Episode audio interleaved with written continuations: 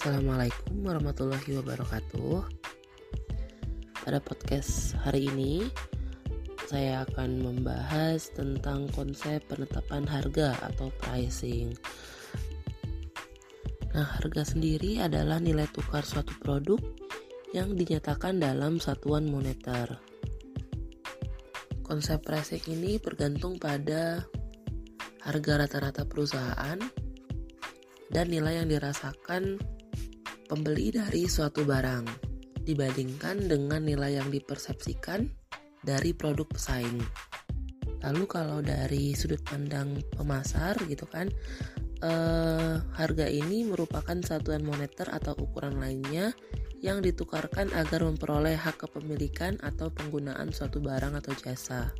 Harga ini juga eh, satu-satunya unsur dari marketing mix atau bauran pemasaran yang kemarin kita bahas uh, salah satu unsur bauran pemasaran yang bisa mendatangkan pendapatan. Sedangkan yang tiga unsur lainnya place, uh, produk sama promotion itu justru menimbulkan uh, timbulnya biaya atau pengeluaran. Harga sendiri memiliki beberapa peranan ya terhadap uh, sebuah produk. Yang pertama, Harga berpengaruh langsung terhadap tingkat permintaan dan menentukan tingkat aktivitas. Nah, yang dimaksudkan dalam tingkat permintaan ini berkaitan dengan hukum permintaan ya, di mana dalam hukum permintaan berbunyi uh, semakin tinggi harga suatu barang, maka jumlah permintaannya biasanya akan semakin berkurang. Sebaliknya, jika semakin rendah uh, harga suatu barang, maka uh, jumlah permintaan dari barang itu akan cenderung le uh, lebih banyak sehingga pada tingkat permintaan uh, dia tinggi at atau bisa jadi pada saat tingkat harganya rendah dia biasanya memiliki tingkat permintaan yang tinggi. Nah, artinya di sini kalau tingkat permintaan tinggi, artinya aktivitas uh, produksi perusahaan terhadap produk uh, uh, aktivitas produksi produ, uh, barang itu menjadi lebih masif. Namun perlu diketahui bahwa uh, tidak selamanya uh, konsumen atau uh, ya konsumen itu punya behave atau perilaku kalau mereka akan cenderung membeli barang berdasarkan uh, harga yang paling rendah. Jadi biasanya produk-produk yang berkaitan dengan produk-produk eh sorry yang berkaitan dengan uh, tingkat harga yang bisa mempengaruhi uh, jumlah permintaan itu biasanya lebih kepada produk-produk pokok seperti makanan, barang-barang, bahan-bahan um, mentah yang dijual di pasar dan lain-lain. Lalu peranan yang kedua adalah harga secara langsung menentukan profitabilitas operasi. Nah, profitabilitas itu apa sih? Profitabilitas adalah kemampuan suatu perusahaan dalam menghasilkan laba selama periode tertentu pada tingkat penjualan, aset, dan modal saham tertentu. Nah, dalam konteks penjualan artinya um, har penetapan harga atau harga yang ditetapkan oleh produsen atau perusahaan itu harus lebih besar daripada um, besaran modal yang dikeluarkan oleh perusahaan dalam memproduksi suatu barang. Dan juga nggak nggak nggak cuma produksi barang ya tapi juga diperhitungkan biaya distribusinya juga. Jadi artinya adalah harga jual suatu barang itu dipastikan harus lebih besar daripada um, total biaya pengeluaran untuk produksi ditambah total biaya pengeluaran untuk distribusi produk tersebut. Selanjutnya, eh, harga juga berperan dalam mempengaruhi persepsi umum terhadap produk atau merek. Eh, sering kali konsumen menjadikan harga sebagai indikator kualitas. Seperti yang sudah kita bahas pada materi sebelumnya, bahwa memang ada eh, produk-produk uh, tertentu yang memang sengaja dijual dengan harga yang sangat tinggi dengan tujuan untuk uh, menciptakan persepsi yang baik di uh, benak konsumen. Jadi artinya uh, persepsi yang baik ini berkaitan dengan kualitas dari produk tersebut. Lalu peranan yang keempat adalah harga merupakan alat untuk melakukan perbandingan antar produk atau merek yang saling bersaing. ini juga bisa berkaitan dengan poin ketiga tadi bahwa uh, dengan adanya perbedaan harga dari produk yang misalnya yang uh, sama terus uh, produk yang bisa dikatakan merupakan kompetitor kompetitor satu sama lain jadi konsumen itu bisa um, apa ya membandingkan kira kira-kira plus atau minus uh, atau bisa dikatakan uh, membandingkan kualitas dari tiap-tiap produk itu. Dan yang terakhir, peranan yang kelima adalah strategi penetapan harga harus selaras dengan komponen bauran pemasaran lainnya. Harga harus dapat menutup biaya pengembangan, promosi, dan distribusi produk. Nah, ini pengembangan dari poin yang kedua ya. Jadi, kalau tadi uh, secara umum gambarannya kalau uh, penetapan harga jual itu harus lebih besar dari harga uh, sorry dari biaya produksi ditambah dengan biaya biaya distribusi. Nah, pada poin kelima itu penambahan uh, biaya pengeluaran lainnya itu biasanya dilakukan oleh perusahaan-perusahaan yang udah settle ya, yang udah besar. Nah, itu terkait harus juga bisa menutup atau lebih besar dari biaya pengembangan dan biaya promosi.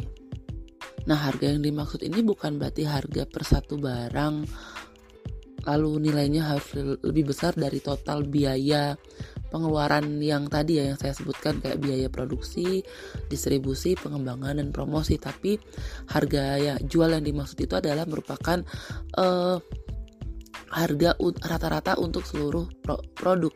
Jadi kalau misalnya jumlah produksi dari uh, produk A uh, itu adalah jumlahnya misalnya 5000 unit.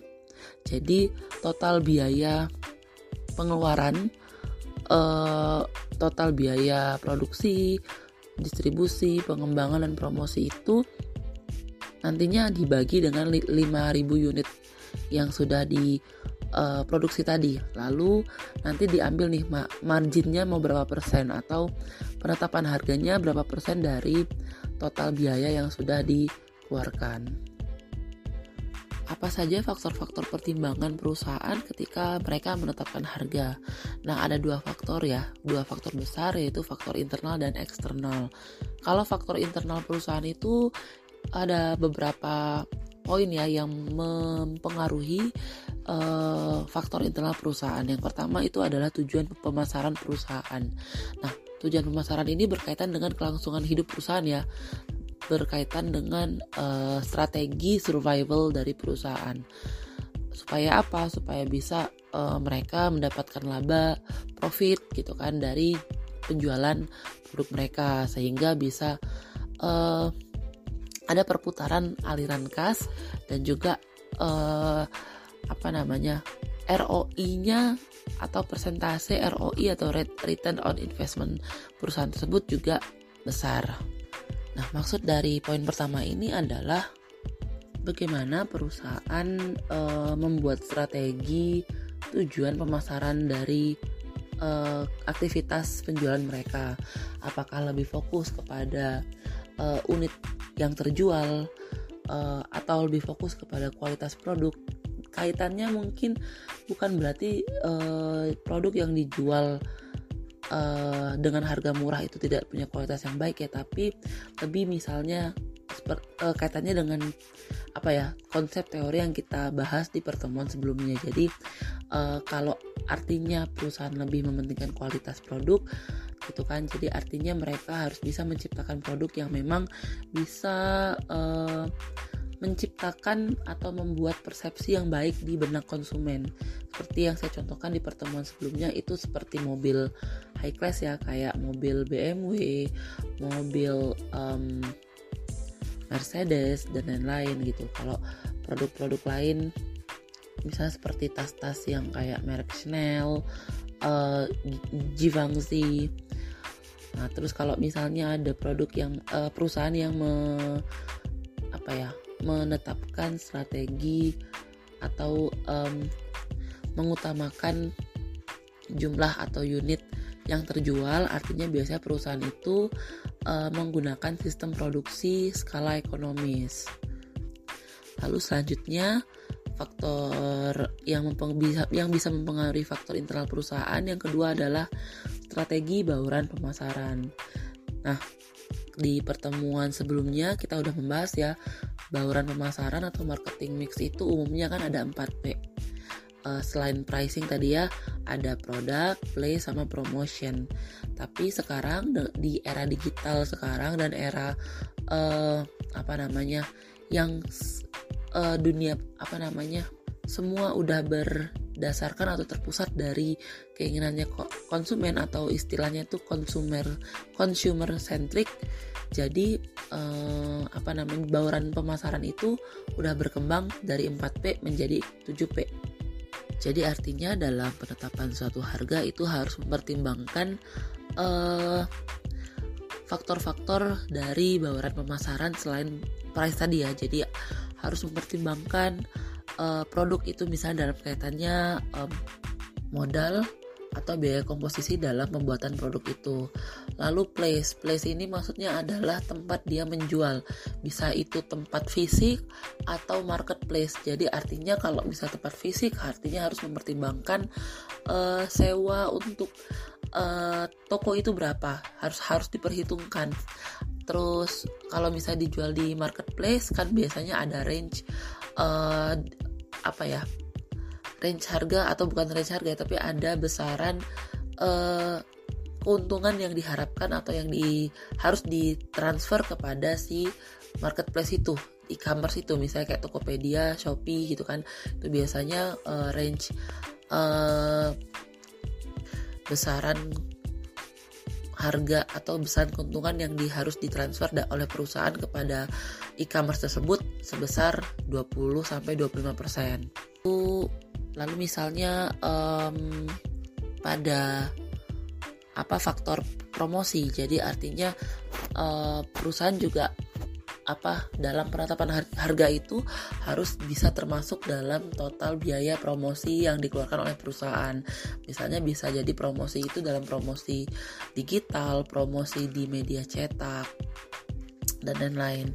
Nah, lalu people uh, bauran selanjutnya adalah people. People ini artinya orang-orang yang berkaitan atau orang-orang yang bekerja di perusahaan itu. Jadi uh, dalam penetapan harga itu sudah diharuskan termasuk dalam uh, biaya penggajian perusahaan kepada karyawan-karyawannya. Lalu ada juga physical evidence. Physical evidence ini adalah seperti biaya jasa lah, biaya jasa yang dikeluarkan oleh perusahaan ketika mereka menyampaikan produk itu. Misalnya um, kalau restoran tuh ada biaya layanannya, biaya servisnya seperti itu. Lalu selanjutnya ada yang namanya proses. Nah, proses inilah yang dimaksudkan adalah biaya perusahaan yang dikeluarkan dalam konteks um, aktivitas R&D. Uh, R&D itu riset and development, penelitian, pengembangan dan inovasi produk. Nah, itu semua harus mencakup atau termasuk dalam penetapan harga produk yang dijual oleh perusahaan. Lalu poin ketiga adalah biaya. Ini berkaitan dengan poin kedua ya. Jadi biaya merupakan faktor yang menentukan harga minimal yang harus ditetapkan agar perusahaan tidak mengalami kerugian.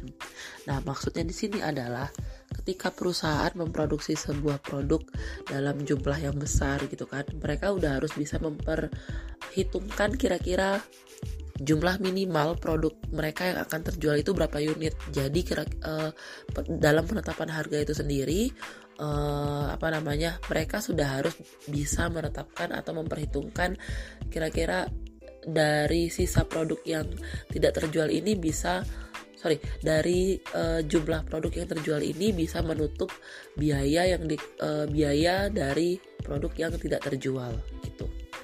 Nah, dan selanjutnya adalah pertimbangan organisasi. Jadi faktor pertimbangan organisasi ini juga mempengaruhi faktor internal perusahaan. Jadi artinya semakin besar suatu perusahaan, biasanya yang menetapkan harga itu adalah manajemen puncak atau eh, orang-orang uh, yang me, apa ya memimpin suatu divisi dari sebuah produk. Nah, lalu uh, kita bahas eh, hal-hal uh, yang mempengaruhi faktor eksternal perusahaan. Yang pertama itu ada karakteristik pasar dan permintaan. Nah, di sini perlu di uh, perusahaan itu harus bisa memahami dari apa namanya kondisi pasar yang akan mereka masuki, baik itu sifat pasarnya, jumlah permintaan dari pasar tersebut, industri-industri tersebut, terus um, jenis pasar yang mereka masuki ini apakah pasar persaingan sempurna uh, atau pasar persaingan tidak sempurna. Nah, kan uh, kenapa hal tersebut uh, perusahaan harus tahu karena itu juga nantinya akan berkaitan dengan elastisitas permintaannya. Lalu yang kedua adalah persaingan. Nah, persaingan yang dimaksud ini adalah persaingan dalam industri yang bersangkutan, lalu juga produk substitusi, pemasok, pelanggan, dan ancaman pendatang baru.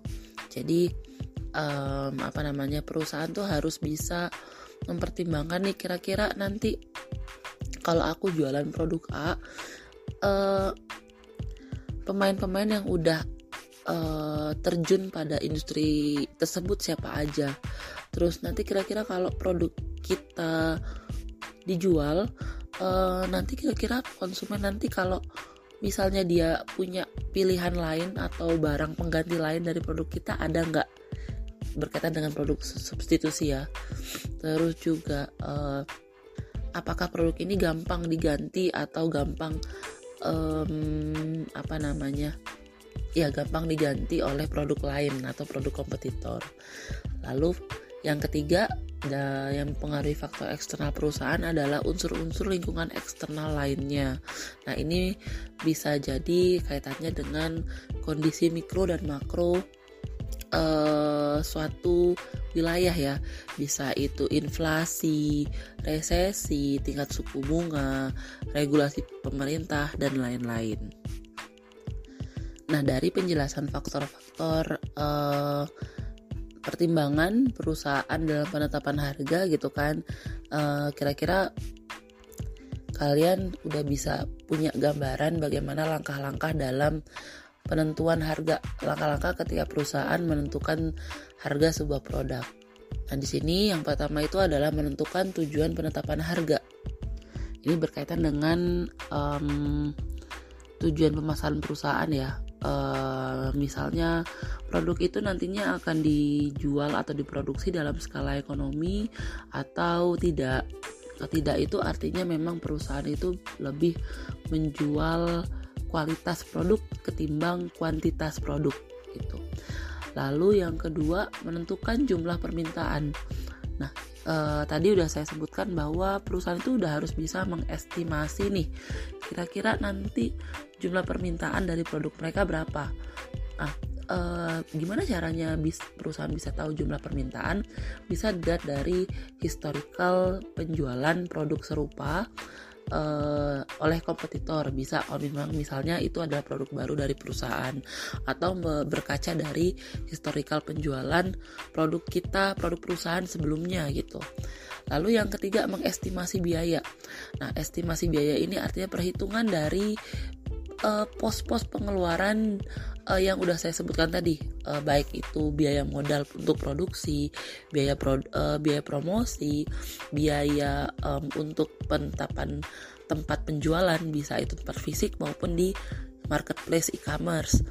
Lalu juga penggajian karyawan, terus juga biaya jasa dan biaya R&D-nya. Itu semua harus ditotal harus dihitung dan ditotal di mana harga itu jumlah rata-rata harga e, biaya itu harus lebih kecil daripada e, penetapan harga rata-rata per produk. Lalu selanjutnya langkah keempat adalah menganalisis biaya, harga dan pesaing. Nah, tadi udah pen, udah mengestimasi biaya ya, biaya yang akan dikeluarkan atau total biaya yang dikeluarkan oleh perusahaan. Nah, selanjutnya tuh dianalisis nih kira-kira kalau memang nanti uh, mau dijual, misalnya udah ditetapkan harga sekian rata uh, ditargetkan ya, ditargetkan produk tersebut akan dijual dengan harga sekian gitu kan.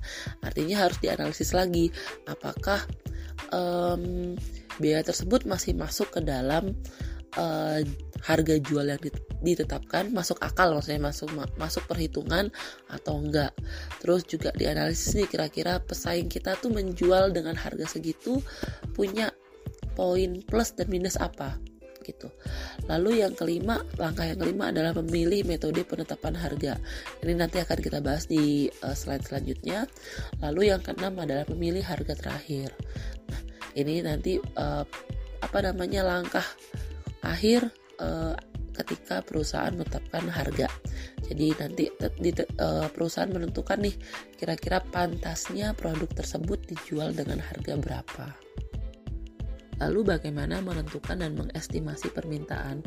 Nah, di slide sebelumnya sudah saya jelaskan kalau yang namanya um, harga dan permintaan itu mempunyai hubungan yang berlawanan. Artinya, ketika harga yang ditetapkan itu lebih tinggi, maka bisa mengakibatkan permintaan menurun.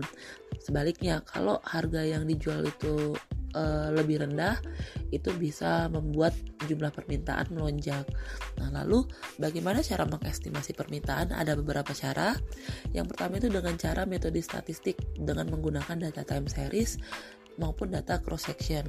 Kalau data time series itu adalah data yang uh, apa sifatnya itu bisa dia menampilkan data per per periode. Jadi misalnya data penjualan semester 1 tahun 2019 data penjualan dibandingkan dengan data penjualan semester 1 tahun 2020 kayak gitu. Jadi dia berdasarkan uh, time seriesnya aja periodenya aja.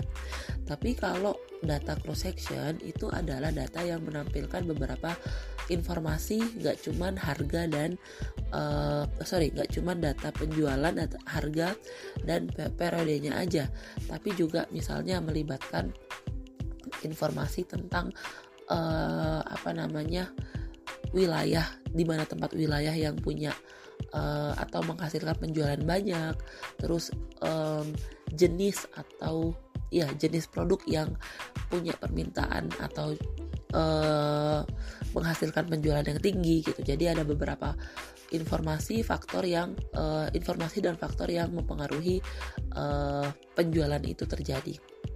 Nah, lalu cara yang kedua uh, adalah dengan menggunakan metode survei.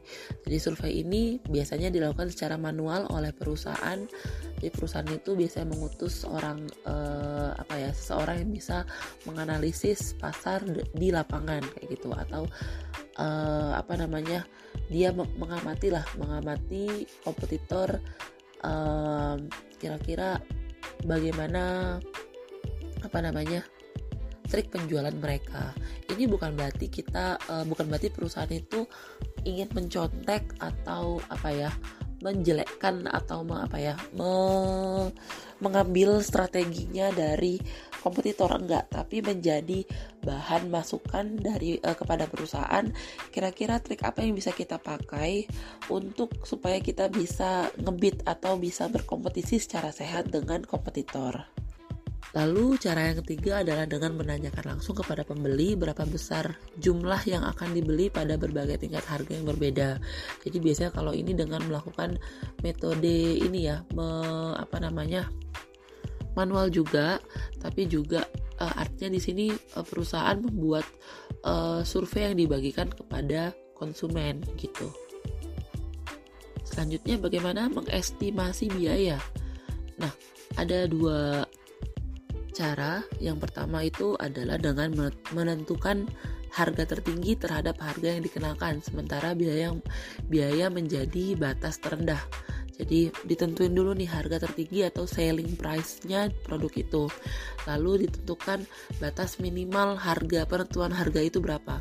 Nah batas terendah ini artinya merupakan besaran biaya yang dikeluarkan oleh perusahaan ketika dia uh, sorry total biaya yang dikeluarkan oleh perusahaan uh, ketika dia memproduksi produk itu gak cuman produksi ya tapi juga faktor-faktor seperti um, apa namanya promosi place terus juga um, people terus prosesnya juga gitu jadi artinya uh, pada istilah floor, floor price atau batas terendah ini menggambarkan biaya yang dikeluarkan perusahaan terkait uh, produk ini.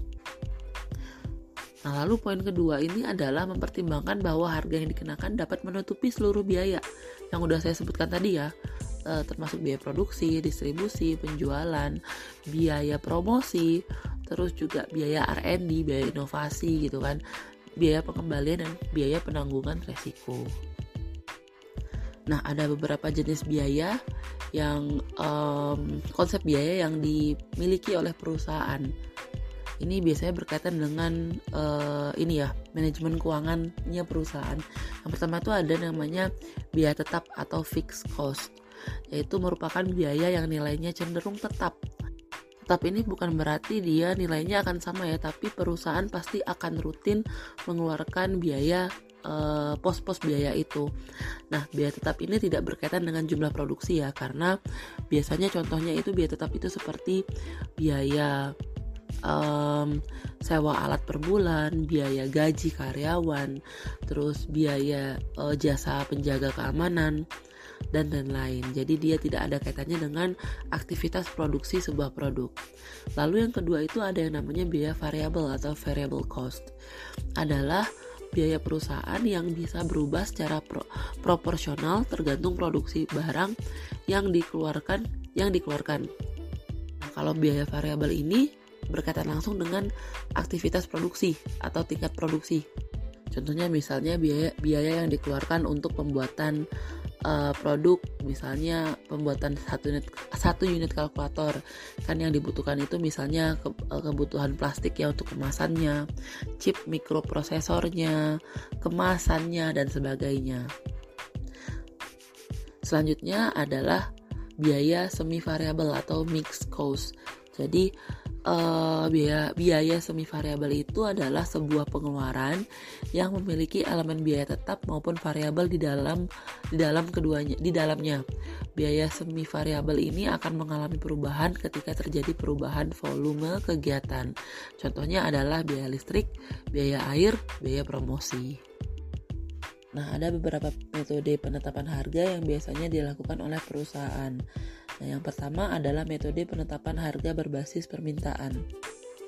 Jadi maksudnya di sini adalah uh, perusahaan lebih menekankan faktor-faktor yang mem mempengaruhi selera dan preferensi pelanggan terhadap faktor-faktor seperti biaya, laba dan persaingan. Jadi um, perusahaan itu lihat dulu nih jumlah permintaan atau hal-hal apa aja yang bisa mempengaruhi permintaan pelanggan atau konsumen terhadap uh, pembelian produk uh, suatu barang. Apakah karena harganya, apakah karena uh, ukuran dari produk itu sehingga kalau ukuran produk itu kan bisa mendatangkan keuntungan bagi uh, si konsumen gitu.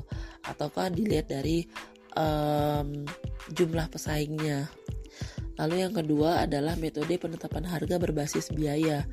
Nah, dalam metode ini faktor penentuan harga yang utama adalah aspek biaya, bukan aspek permintaan. Harga ditentukan berdasarkan biaya produksi dan biaya pemasaran yang ditambah dengan jumlah tertentu sehingga dapat menutupi biaya-biaya langsung dan biaya overhead serta laba. Lalu selanjutnya adalah metode penetapan harga berbasis laba. Jadi pada metode ini berusaha menyeimbangkan pendapatan pendapatan dan biaya dalam penetapan harganya. Harga yang ditetapkan atas dasar target volume laba atau dinyatakan dalam bentuk persentase terhadap penjualan atau investasi.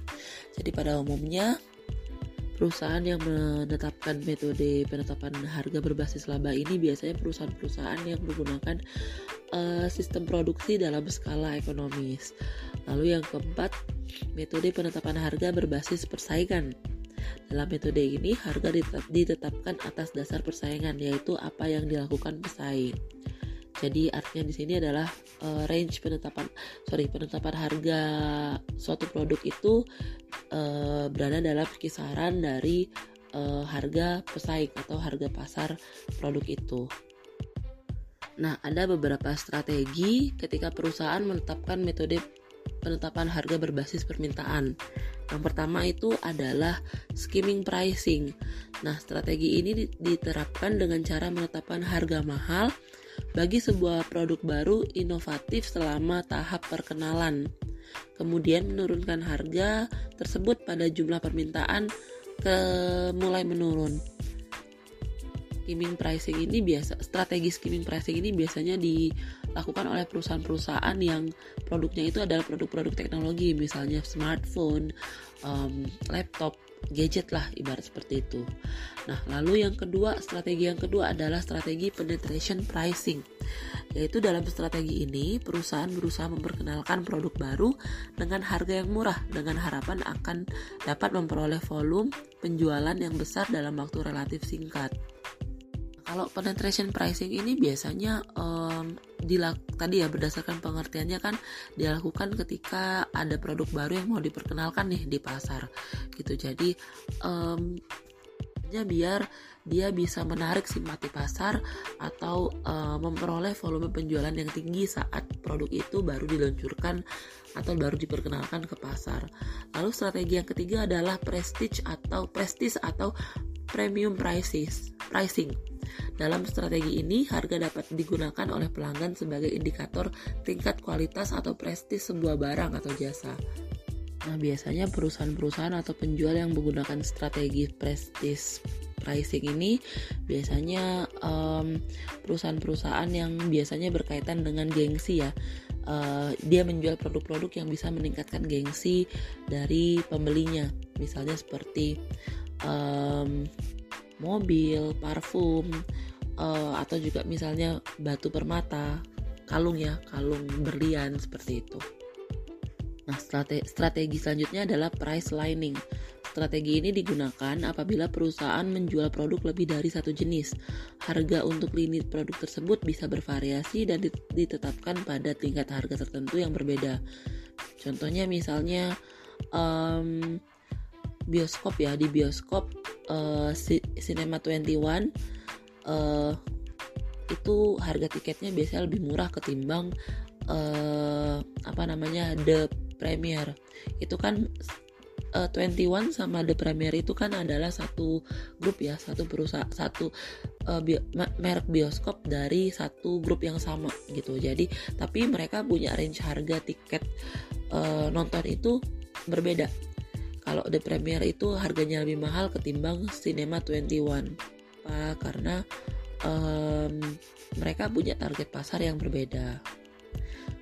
Lalu selanjutnya adalah si, psychological pricing yaitu metode penetapan harga yang besarnya mendekati jumlah genap. Misalnya contohnya kalian mungkin sering temuin kalau mau beli baju sendal itu misalnya harga baju itu 99.000 yang 9000 itu sebenarnya kan uh, harga yang dibuat oleh penjual biar kalau oh kalau mau beli baju itu harganya di bawah 100 ribu loh. Padahal uh, selisih harga cuma beda 1000 dari harga 100 ribu gitu. Jadi itu bisa mempengaruhi psikologis dari konsumen Selanjutnya adalah strategi yang bisa diambil oleh perusahaan ketika mereka menetapkan metode penetapan harga berbasis biaya. Di sini ada beberapa jenis strategi ya. Yang pertama itu adalah markup pricing. Nah, maksud dari markup pricing ini adalah harga ditentukan dengan jalan menambahkan persentase tertentu dari biaya pada semua item dalam sebuah kelas produk. Metode ini banyak diterapkan biasanya di supermarket dan toko retail. Misalnya seperti Indomaret, Alfamart gitu kan.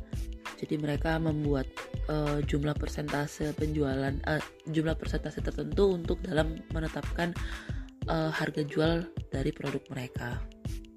Lalu strategi yang kedua adalah break even point analysis.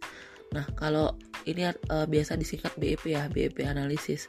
Nah, kalau BEP analisis ini merupakan uh, sebuah metode untuk menentukan jumlah barang yang harus dijual dengan harga tertentu untuk menutupi biaya investasi dan memperoleh keuntungan.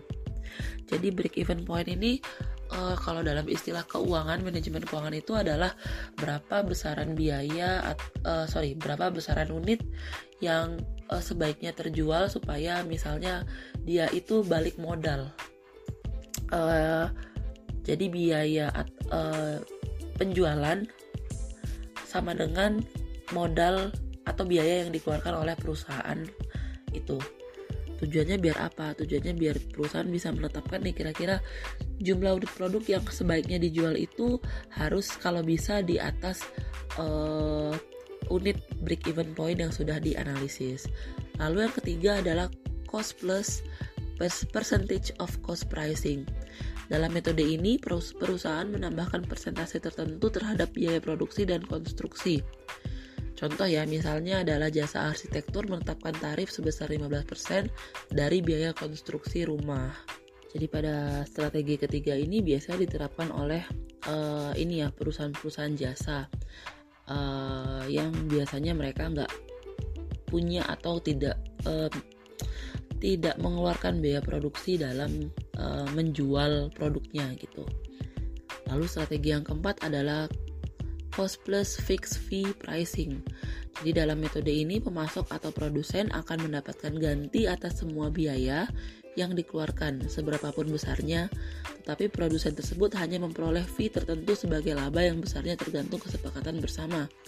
Contohnya misalnya Singapura sepakat membayar satelit Telkom sebesar 4 triliun rupiah dengan fee 4 miliar rupiah.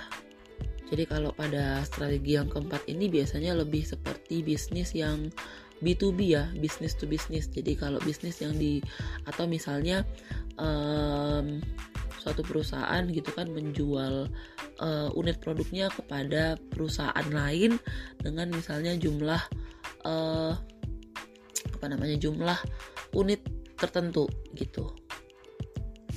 Selanjutnya ada strategi penetapan harga ketika perusahaan itu menetapkan metode penetapan harga berbasis laba.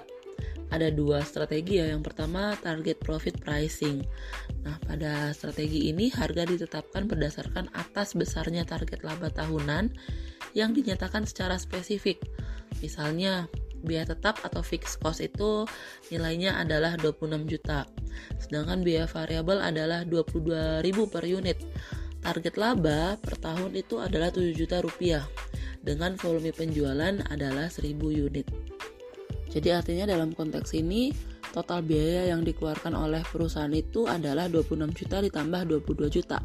22 juta ini didapat dari total uh, vari, biaya variabel per unitnya kan 22.000 dikali 1000 unit. Jadi 22.000 dikali 1000 adalah 22 juta. Ditambah fixed cost eh, 26 juta yaitu total biayanya menjadi 20, 48 juta. Den dengan target laba e, per tahunnya adalah 7 juta per tahun. Jadi artinya biaya biaya uh, sorry harga jual yang ditetapkan oleh perusahaan uh, itu adalah 48 juta ditambah 7 juta jadi sekitar 50 5 juta gitu uh, atau harga jual produknya adalah 55.000. Nah, lalu strategi yang kedua adalah target return on investment atau ROI. ROI ini kan adalah pengembalian modal ya. Pengembalian modal yang dilakukan oleh perusahaan, pengembalian investasi yang dilakukan oleh perusahaan. Jadi artinya target ROI itu adalah perusahaan menetapkan besarnya suatu target pengembalian investasi tahunan yaitu rasio antara laba dengan investasi total yang ditanamkan perusahaan pada fasilitas produksi dan aset yang mendukung produk tertentu. Misalnya, diketahui investasi sebesar 1 miliar rupiah dan ingin menetapkan harga yang akan menghasilkan ROI sebesar 20%. Sehingga biaya per unitnya menjadi seharga 16.000 rupiah dan jumlah penjualan yang diharapkan adalah sebesar 50.000 unit. Selanjutnya ada beberapa strategi uh, dalam kaitannya metode penetapan harga berbasis persaingan. Yang pertama itu adalah customary pricing. Nah, uh, maksud dari customary pricing ini adalah penetapan harga dilakukan berpegang teguh pada tingkat harga tradisional. Perusahaan berusaha untuk tidak mengubah harga dengan cara perusahaan menyesuaikan ukuran dan isi produk guna mempertahankan harga. Nah, biasanya uh, perusahaan yang menerapkan customer pricing ini lebih kepada perusahaan-perusahaan yang produknya itu adalah produk-produk pokok seperti gula, beras gitu kan. Kalau kalian perhatikan kemasan kemasan-kemasan pada sorry ukuran dan kemasan pada produk gula dan beras itu kan lebih variatif ya. Ada yang um, 5 kilo, kalau beras tuh ada yang 5 kilo, 10 kilo, 20 kilo gitu kalau gula itu ada yang uh, setengah kilo ada yang satu kilo bahkan ada yang ukuran kecil yang sasetan seperti itu kalau gula jadi dia mengikuti dari uh, jumlah permintaan atau keinginan dari uh, customernya lalu strategi yang kedua itu adalah above at or below marketing prices. Nah, maksudnya ini adalah dilaksan kalau above above market pricing dilaksanakan dengan jalan menetapkan harga yang lebih tinggi daripada harga pasar. Metode ini dilakukan oleh perusahaan yang sudah memiliki reputasi atau menghasilkan barang-barang yang prestis. Kalau at market market pricing itu maksudnya adalah harga yang ditetapkan sebesar harga pasar yang sering kali dikaitkan dengan harga pesaing. Sedangkan below market pricing yaitu adalah ketika harga yang ditetapkan di bawah harga pasar uh, dan juga metode ini banyak ditetapkan oleh produsen-produsen dari produk-produk generik. Strategi selanjutnya adalah loss leader pricing. Nah, maksudnya di sini adalah harga ditetapkan di bawah biaya produksinya. Hal ini dilakukan untuk keperluan promosi khusus.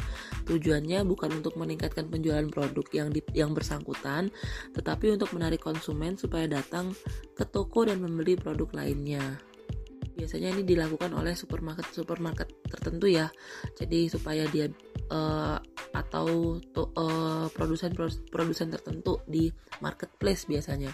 Jadi supaya mereka itu bisa mengundang customer untuk mau mampir ke tokonya, mau mengunjungi virtual uh, tokonya gitu kan, toko virtualnya gitu kan. Jadi uh, mereka membuat satu produk atau menetapkan harga satu produk itu yang harganya itu di bawah uh, harga produksinya atau harga jadi murah banget gitu kan tujuannya biar apa supaya uh, ketika pelanggan itu datang ke tokonya uh, apa diharapkan tuh ada potensi pembelian uh, produk lain dari si konsumen ini. Lalu ada beberapa strategi penetapan harga ketika perusahaan itu merilis atau melaunching produk baru. Ini ada dua ya, biasanya yang sering kali dilakukan oleh perusahaan-perusahaan. Yang pertama itu adalah skimming pricing dan yang kedua adalah penetration pricing. Nah, kita bahas dulu skimming pricing. Kalau dari penjelasan saya sebelumnya, skimming pricing itu adalah ketika perusahaan menetapkan harga awal yang mahal pada sebuah produk baru. Kemudian setelah beberapa waktu harganya akan diturunkan. Nah, biasanya penetapan strategi ini akan lebih cocok diterapkan pada situasi-situasi misalnya. Yang pertama itu adalah ketika produk baru ini memiliki karakteristik unik atau khas yang sangat diharapkan atau disukai oleh konsumen dan tidak ada atau hanya sedikit yang tersedia pada uh, sorry uh, nggak banyak produk substitusinya gitu. Jadi artinya biasanya produk-produk ini um, punya ekspektasi yang uh, lebih tinggi lah di benak konsumen gitu. Dan juga um, barang pengganti dari produk ini nggak banyak tersedia di pasar. Lalu yang kedua uh, cukup banyak pelanggan yang bersedia membeli produk pada tingkat harga awal yang mahal nah ini biasanya di, disukai oleh pelanggan yang uh, kalangan uh, atas ya dan suka mengikuti tren baru. Jadi kalau misalnya target pasarnya itu dilihat nih kalau misalnya habitnya atau kebiasaannya target pasarnya ini punya kebiasaan dia itu latah sama produk baru. Nah, cocok nih dia nentuin uh, harga yang mahal saat launching produk baru. Lalu yang ketiga, perusahaan telah mengeluarkan dana sangat besar untuk riset dan pengembangan produk baru bersangkutan. Ini mungkin lebih cocoknya kepada alasan ya, kenapa perusahaan itu uh, menetapkan strategi skimming pricing. Itu karena bisa jadi biaya R&D-nya, riset dan pengembangan inovasi dari produk itu um, sangat besar biasanya kan kalau produk-produk teknologi ya tadi yang saya contohkan pada uh, perusahaan yang menetapkan strategi ini biasanya uh, pada perusahaan-perusahaan atau produsen produk teknologi gitu kan.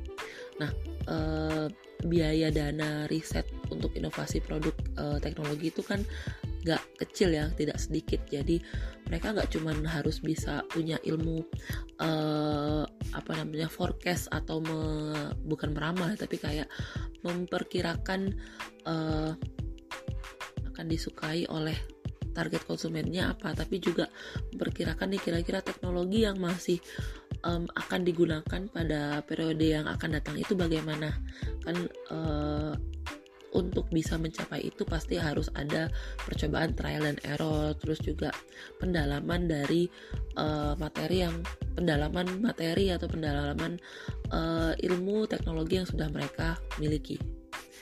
Lalu yang keempat itu karena pelanggan menginterpretasikan harga tinggi sebagai indikator kualitas tinggi.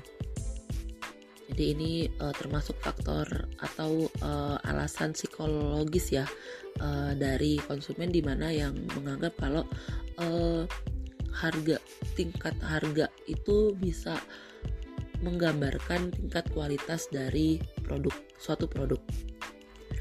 Nah, selanjutnya kita akan bahas penetration pricing. Nah, penetration pricing itu udah saya jelaskan ya kalau uh, strategi ini merupakan strategi yang ditetapkan oleh perusahaan yaitu menetapkan harga awal yang relatif lebih murah pada tahap awal siklus produk hidup produk. Jadi pada tahap pengenalan itu perusahaan menjual produk itu dengan harga yang relatif murah. Nah, biasanya uh, strategi ini cocok diaplikasikan pada beberapa situasi ya. Yang pertama itu pada situasi ketika produk yang dihasilkan itu memiliki daya tarik tertentu bagi pasar massal. Jadi ya balik lagi ya ini biasanya lebih kepada ketika uh, perusahaan itu punya target pasar yang uh, sangat besar atau masif. Jadi artinya memang uh, biasanya produk-produk yang ditawarkan itu adalah produk-produk umum ya, seperti bisa itu produk kebutuhan rumah tangga, produk uh, kebutuhan pokok, terus juga yang alasan yang kedua eh, sorry situasi yang kedua itu adalah banyak segmen pasar yang sensitif terhadap harga. Jadi uh, apa namanya uh, biasanya perusahaan tuh udah punya data-data uh, konsumen pengelompokan konsumen itu yang kira-kira mereka juga menganalisis habit behaviornya ke apa ya uh, perilaku lah perilaku dari konsumennya. Apakah sensitif terhadap harga atau biasa aja gitu Lalu situasi yang ketiga itu adalah harga awal yang rendah dapat mengurangi minat pesaing untuk memasuki pasar. Jadi artinya ketika perusahaan itu udah menjual dengan harga yang lebih rendah gitu kan, padahal mungkin biaya produksinya tuh sedikit lebih, maksudnya uh, sedikit lebih tinggi. Jadi range keuntungan yang didapatkan oleh perusahaan itu mungkin lebih sedikit. Jadi sehingga kalau misalnya ada pesaing yang mau masuk pesaing baru yang mau masuk ke pasar itu mereka jadi berpikir kalau aku masuk ke pasar itu terus jual dengan harga yang lebih tinggi nantinya akan laku nggak ya? Sedangkan udah ada nih pesaing yang jual dengan harga yang lebih rendah cenderung lebih rendah gitu. Nah ini saya akan memberikan salah satu um, apa strategi pricing yang uh, ada dilakukan oleh beberapa perusahaan atau produsen yaitu adalah decoy pricing namanya. Ini sebenarnya uh, lebih kepada pricing hacks ya. Jadi kayak tips supaya um, strategi uh, penetapan harga produk kita itu menjadi lebih menarik lah ibarat seperti itu. Nah di sini decoy pricing ini merupakan sebuah fenomena psikologi, psikologi yang terjadi di mana mereka akan mempertimbangkan dua buah opsi sesuai dengan kebutuhan dan keperluan. Di sini saya contohkan atau berikan gambar es krim ya, contohnya es krim. Di mana misalnya nih pada awal, misalnya penjual es krim itu awalnya menjual es krim dengan harga 30.000 dan 70.000 awalnya ya, awalnya jadi es krim yang satu rasa itu harga 30.000 terus jual dia juga memberikan pilihan es krim uh, harga uh, tiga rasa dengan harga 70.000 anggaplah misalnya es krim pilihan kedua ini belum ada. Nah gitu. Lalu uh, supaya orang banyak nih tertarik mau beli pilihan es krim ketiga yang tiga rasa ini maka perusahaan es krim ini perusahaan uh, sorry penjual es krim ini membuat pilihan tengah-tengah atau membuat pilihan es krim dua rasa dengan harga 65.000. Nah, baru nih, ini maksud ma maksud dari implementasi decoy effect. Jadi maksudnya itu adalah ketika dua buah pilihan yang sengaja diberikan terlebih dahulu, yaitu yang es krim harga 30.000 dan 70.000 ini uh, sengaja uh, namun kemudian pilihan akan ada pilihan yang datang sebagai penengah, yaitu es krim dengan uh, yang harganya 65.000. Nah, Di mana es krim yang harganya 65.000 ini kemudian akan um, menjadi penggiring uh, apa ya minat beli konsumen kepada produk pilihan yang ketiga gitu jadi kalau misalnya beli es krim satu rasa harga 30.000 terus uh, kalau beli dua rasa 65.000 tiga rasa 70.000 ya mending aku beli yang tiga rasa. Jadi harganya cuma 70.000 nambahnya cuma 5.000 doang dibanding yang uh, dua rasa 65.000 jadi uh, pada tips atau dek uh, sorry konsep decoy pricing ini adalah ketika perusahaan membuat pilihan lain membuat pilihan penengah lah. Sehingga pilihan yang paling besar itu menjadi pilihan yang sangat menarik untuk konsumen. Gitu. Nah biasanya pro, uh, strategi atau hack uh, tips dari uh, sorry strategi decoy pricing ini biasanya diterapkan oleh kayak Starbucks. Kalian mungkin yang pernah tahu kak pernah ke Starbucks gitu uh, jenis ukuran gelas mereka itu ada tiga jenis kan ada yang kecil menengah sama yang besar gitu. Kalau kalian perhatikan range harganya itu range harga dari besar ke sorry kecil ke menengah itu uh, cenderung lebih jauh ketimbang menengah ke yang besar gitu. Jadi sehingga uh, konsumen itu akan digiring supaya oh kenapa aku nggak beli yang lebih besar aja? Nambahnya menjadi lebih lebih sedikit ketimbang aku beli yang kecil misalnya seperti itu terus juga ada juga uh, biasanya juga diterapkan oleh IKEA. Uh, misalnya harga rak buku gitu kan. Rak buku yang ukuran kecil misalnya harganya 300 ribu gitu.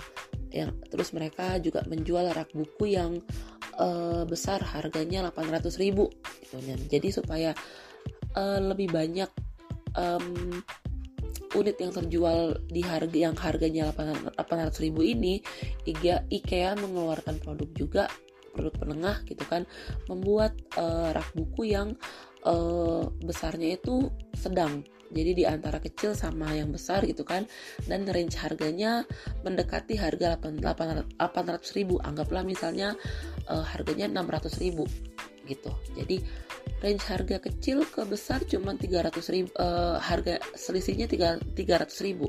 Tapi kalau uh, sedang ke besar perbedaan harga cuma 200 ribu. Jadi orang akan beralih kepada pilihan yang ketiga kayak gitu. Nah demikian uh, penjelasan saya tentang konsep pricing atau penetapan harga. Jika ada pertanyaan uh, tentang materi hari ini bisa disampaikan di grup. Uh, saya akhiri. Wabillahi taufiq wal hidayah. Wassalamualaikum warahmatullahi wabarakatuh.